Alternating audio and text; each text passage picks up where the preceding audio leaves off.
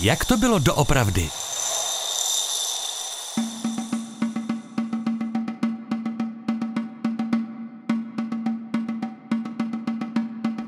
Ve dnech 13.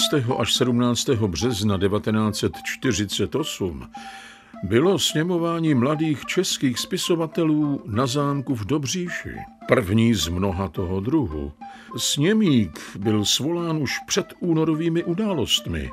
Jeho úkolem byla smírná dohoda mezi spisovateli okruhu kulturní rady a spisovateli kulturní obce. Ale události odňali sněmu přes noc veškerý smysl a proměnili komunistické spisovatele pány situace a skutečné hostitele a ostatní v pouhé hosty. Do příprav jako blesk z čistého nebe přišla zpráva Ivana Blatného, toho času stipendisty spisovatelského syndikátu v Anglii, že se domů nevrátí. Napsal literární vědec Václav Černý ve svých pamětech. Otázkou, tématem dnešního, jak to bylo doopravdy je, ošetřovatelka v blázinci nezachránila významnou část naší poezie ze studia zdraví Ivana Chmel Denčevová. Byla zpráva o Ivanu Blatném, že se nevrátí z Anglie a zůstane v exilu opravdu takovým řekněme bleskem z čistého nebe, jak jsme slyšeli, otázka pro hosta pořadu literárního a výtvarného historika Radima Kopáče. Určitě to blesk z čistého nebe byl, nebo Ivan Blatný byl už od doby konce první republiky, vlastně přes celou válku a hlavně v těch letech po ní 45 až 48 dosti viditelnou, dosti exponovanou postavou současné české poezie. V roce 1941 to bylo Ivanu Blatnému 22 let, mu vyšla druhá a nejčastěji vydávaná básnická sbírka Melancholické procházky. Je v ní i tato báseň. Znáš dálku? Já ji znám. Na stropě plném much, v ohyzdné světnici mám jazyk přilepený. Je parno v ulicích, jak olej hustý vzduch, kdo si se zasmál? Pes. Pomalá chůze ženy. Jde, kolébá se, jde a svírá koleny, bílými koleny a stehy naše mozky. Znáš dálku? Já ji znám. Proměny, proměny. Déšť trhá plakáty a stírá barvy. Trosky, z okna mám vyhlídku na pivovarský dvůr, tajemné jeskyně a ve dne sudy. Sudy. Je ráno, drhnou zem, lucerna mrtvých můr. Znáš dálku? Já ji znám. A znám ji ve všem všudy. To byla báseň, která, myslím, velice dobře ilustruje tu prvotní notu Ivana Blatného, poetiku těch jeho prvních dvou básnických sbírek z roku 40 a 41, paní Jitřenka a melancholické procházky. Taková ta emočně silně zjitřená, impresionistická malba těch městských kulis a těch postav a příběhů. Je to ovšem poezie, která se následně po válce v těch dvou dalších jeho sbírkách tento večer a hledání přítomného času proměňuje směrem k civilismu. Ivan Blatný se narodil v roce 1919. Jeho otcem byl spisovatel, básník, prozaik, dramatik Lev Blatný, který ovšem zdravotně celoživotně dost haproval, zemřel ve 36 letech, zemřel velmi mlád a zanechal v podstatě Ivana polosirotkem po následujících třech letech, ve 13 jeho věku zemřela i jeho matka, čili z Ivana byl kompletní sirotek.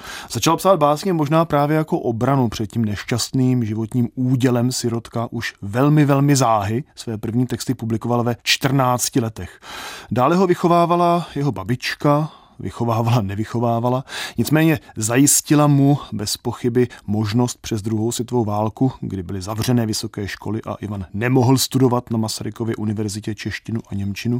Zajistila mu možnost pracovat v rodinné firmě. Měli obchod s optikou, s optickým zbožím. Ivan Blatný se potkával ze souputníky z literárního světa, z nichž byli posléze autoři zvučných men a jejich vztahy byly nejen kolegiální v rámci nějaké kreativity, ale i mimořádně silné mezilidské.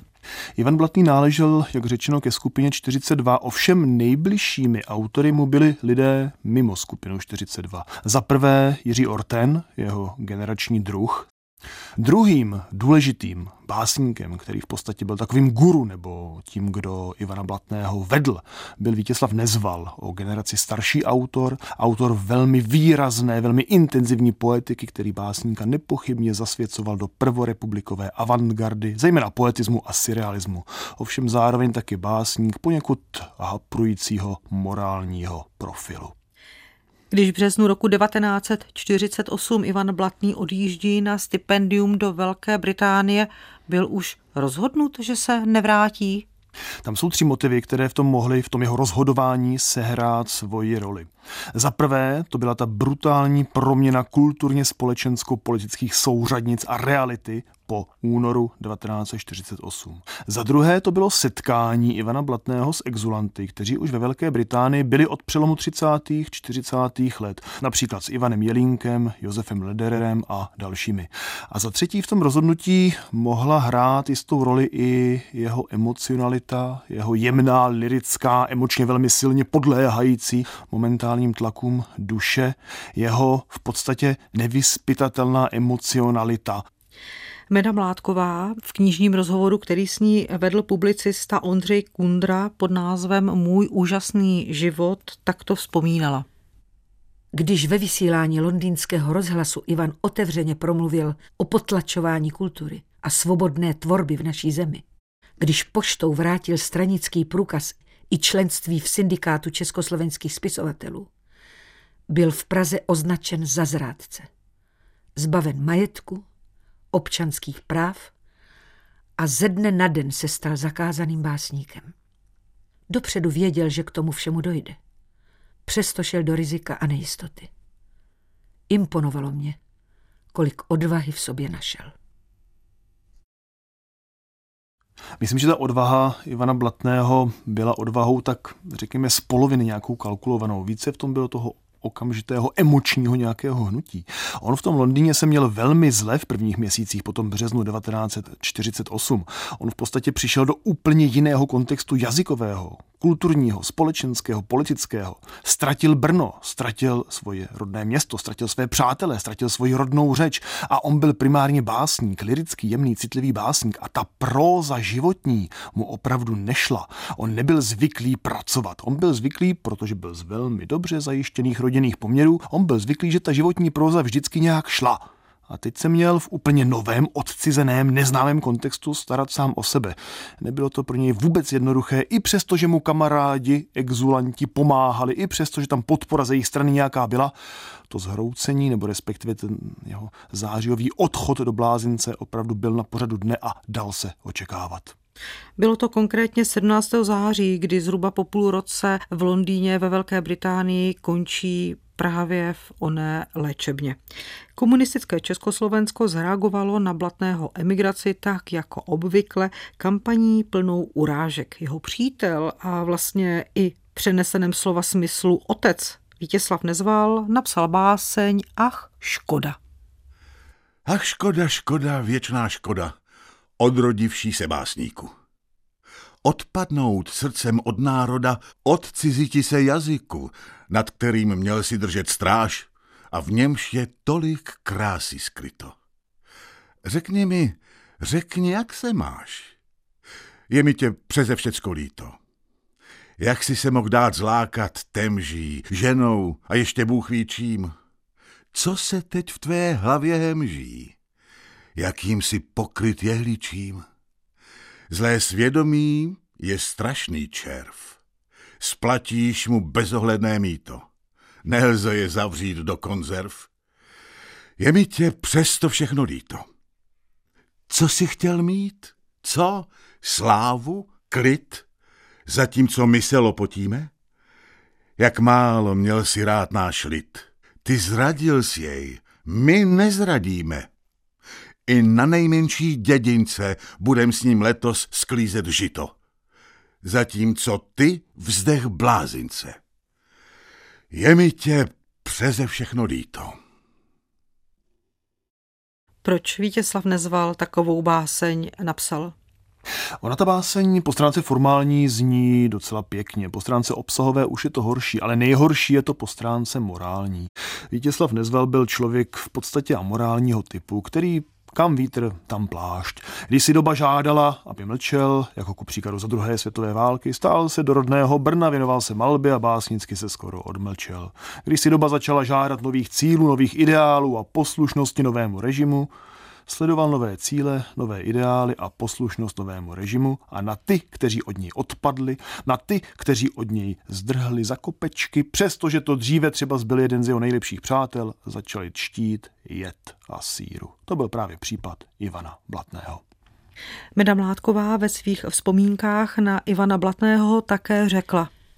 Když skončil s diagnózou paranoidní schizofrenie v psychiatrické léčebně v Clayberry Hospital v Essexu, Jezdila jsem ho navštěvovat tam. Návštěvy byly vždy v neděli, byly možné v takzvaných návštěvních koridorech. Do nichž ostatní pacienti viděli skrze okna ze svého oddělení. Bylo to hodně ponuré místo. Nechtěla jsem, aby tam zůstal dlouho. Proto jsem ho přemlouvala, aby odtamtud odešel a zkusil znovu žít venku. Nechtěl. Mena Mládková už tehdy provozovala nakladatelství, edice Sokolova, což bylo její rodné příjmení, a právě v tomto nakladatelství v roce 54 vydala antologii, kde byl zastoupen i Ivan Blatný. Ta antologie nebo sborník se jmenuje Neviditelný domov, verše exulantů 1948 až 53. Těch autorů je tu zastoupených 15 a pozoruhodné je, že editorem byl Petr Demec, bohemista, ročník 1922, stále činný, stále aktivní, tehdy ovšem právě vyšetší z vysoké školy. Ivan Blatný se tu ocitl po boku opravdu tehdejšího výkvětu československého exilu. A na dlouhou dobu to byla jeho poslední možnost vidět své jméno oficiálně vytištěné na knižních stránkách.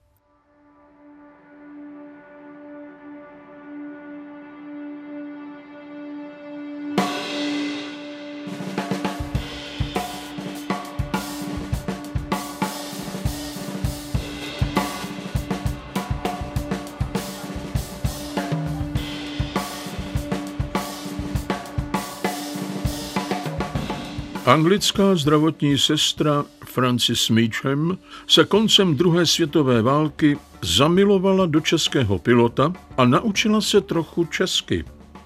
Po válce několikrát navštívila Československo. Jako pracovnici ve zdravotní službě jí přišel náhodou do ruky seznam pacientů Warden House v St. Clements Hospital. Pomyslela si, Ivan Blatný, to by mohl být Čech. Pacienta navštívila, ale zpočátku se nedozvěděla o jeho osudu nic. Uvedl ve své reportáži německý časopis Stern. To bylo v roce 1977. Blatnému už bylo 650 let. Zdravotní sestra, jak jsme slyšeli, o něm sice nic nevěděla, ale nějaký začal zajímat. Jaký život tehdy Ivan Blatný žil? V 70. letech žil vlastně život velice příbuzný tomu, jaký život žil v 60. a v 50. a vlastně na sklonku 40. let. Život za zdmi blázince. Byl tam v podstatě doma, byla to pro něj hlubina bezpečnosti, nacházel tam jistou útěchu. Měl o tu celodenní životní prózu postaráno, nemusel vyvíjet žádné aktivity obživné a tak dále. Žil vlastně na náklady Velké Británie, anglického státu. Měl se v podstatě dobře, měl tam svobodu, měl tam volnost, zkušenost, i když na druhou stranu měl tam stále hlubší a hlubší propady do vzpomínek, melancholie, stále více a více se propadal do toho, co bylo a setkání s Francis Míčem v tomto směru sehrálo zcela klíčovou roli, neboť ta dáma začala texty, které Blatný sporadicky v těch letech 60. a 70. psal, začala se o jeho texty zajímat, začala věci, které mu odpadávaly od ruky nebo často končily rovnou v odpadkovém koši, začala je sbírat, archivovat a pořádat. V reportáži časopisu Štern se také můžeme dočíst. Prostá žena stanovila správnou diagnózu. Po dobu celého čtvrtstoletí, které už Ivan Blatný strávil v různých ústavech, zahazovali dozorci všechno, co napsal. Teprve Francis se podařilo prosadit, aby Blatný dostal psací stroj a stůl v koutě jedné ústavní dílny. Sám Blatný prý říkal anděl strážný.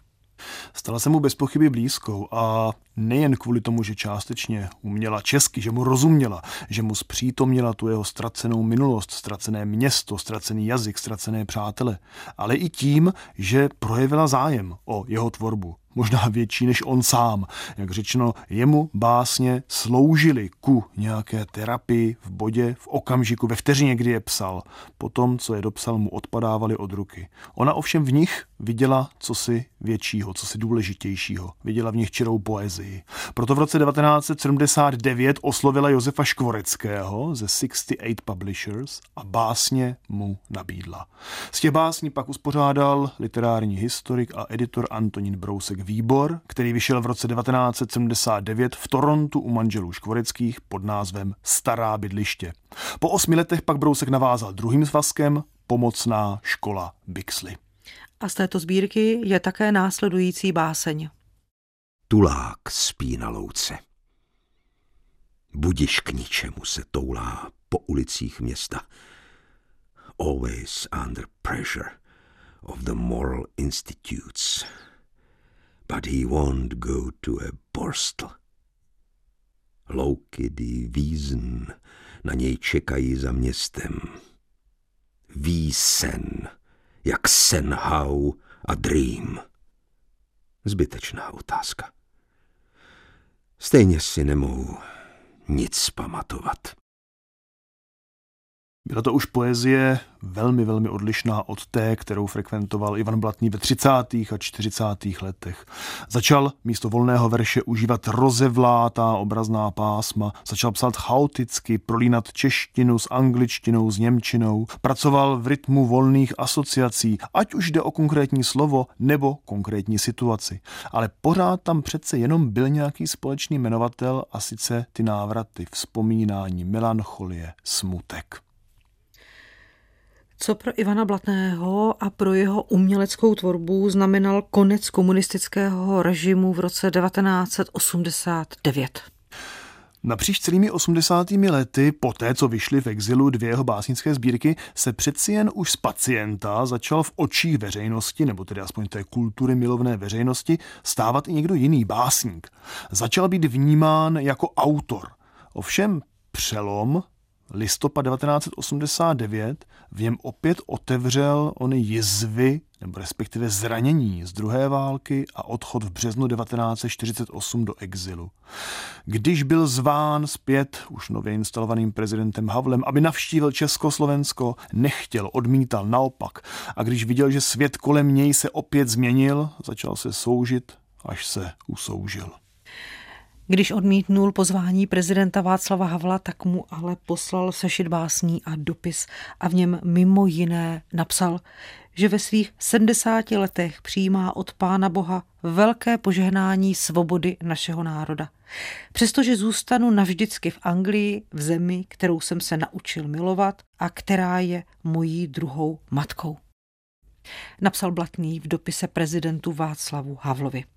Jeho anděl strážný, Francis, ta se ale s prezidentem Havlem setkala. Popisuje to Martin Reiner ve své knize Básník. V brněnském večerníku byl otištěn článek s poněkud patetickým názvem O setkání strážného anděla Ivana Blatného s československým prezidentem. Plyne z něj, že sice nedorazila ani Margaret Thatcherová, ani britská královna, ale za to nechyběl předseda Labour Party Neil Kinnock, britský multimilionář s českými kořeny Robert Maxwell Schotí nebo třeba Karel Schwarzenberg. Mezi všemi hosty byla ovšem Francis Míčem jediná, s kým si Václav Havel přál promluvit ještě před obědem. Znal jsem a obdivoval poezii Ivana Blatného mnohem dříve, řekne jí, než on zaslechl poprvé mé jméno. A znám velmi dobře vaše zásluhy, slečno Míčemová. Je to velká čest potkat se osobně. Požehnání svobody našeho národa si Ivan Blatný užil jenom o něco více než tři čtvrtě roku. Umírá totiž 4. srpna roku 1990 ve svých nedožitých 71 letech. Otázkou tématem dnešního, jak to bylo doopravdy je. Ošetřovatelka v Blázinci nezachránila významnou část české poezie? A stejná otázka pro hosta pořadu, literárního a výtvarného historika Radima Kopáče. Samozřejmě, že zachránila. Myslím si, že role Francis Míčem je s trochu nadsázky srovnatelná s rolí Maxe Broda, pokud jde o dílo France Kavky. Díky jejímu zásahu, díky tomu, že poslala básně Ivana Blatného Škvoreckému do Kanady, díky tomu, že Brousek z nich uspořádal dva velké výbory, začal Ivan Blatný okamžitě po roce 1989 po té listopadové změně znovu v české kultuře rezonovat. Začaly znovu vycházet jeho básně z konce první republiky, respektive básně válečné i básně poválečné. A začaly znovu vycházet jeho texty oficiálně ty, které vycházely pouze v exilu v 68 Publishers. Takže díky Francis Míčem si myslím, že Ivan Blatný nebyl zapomenut a není zapomenut dodnes. A tím končí dnešní vydání pořadu Jak to bylo doopravdy. Mistrem zvuku byl Jan Brauner, hudebně spolupracoval Antonín Schindler, režii měl Michal Bureš. Ze studia zdraví Ivana Chmel Denčevová. I k tomuto dílu jak to bylo doopravdy, se můžete vrátit na webu plus.rozhlas.cz v aplikaci Můj rozhlas a také v dalších podcastových aplikacích.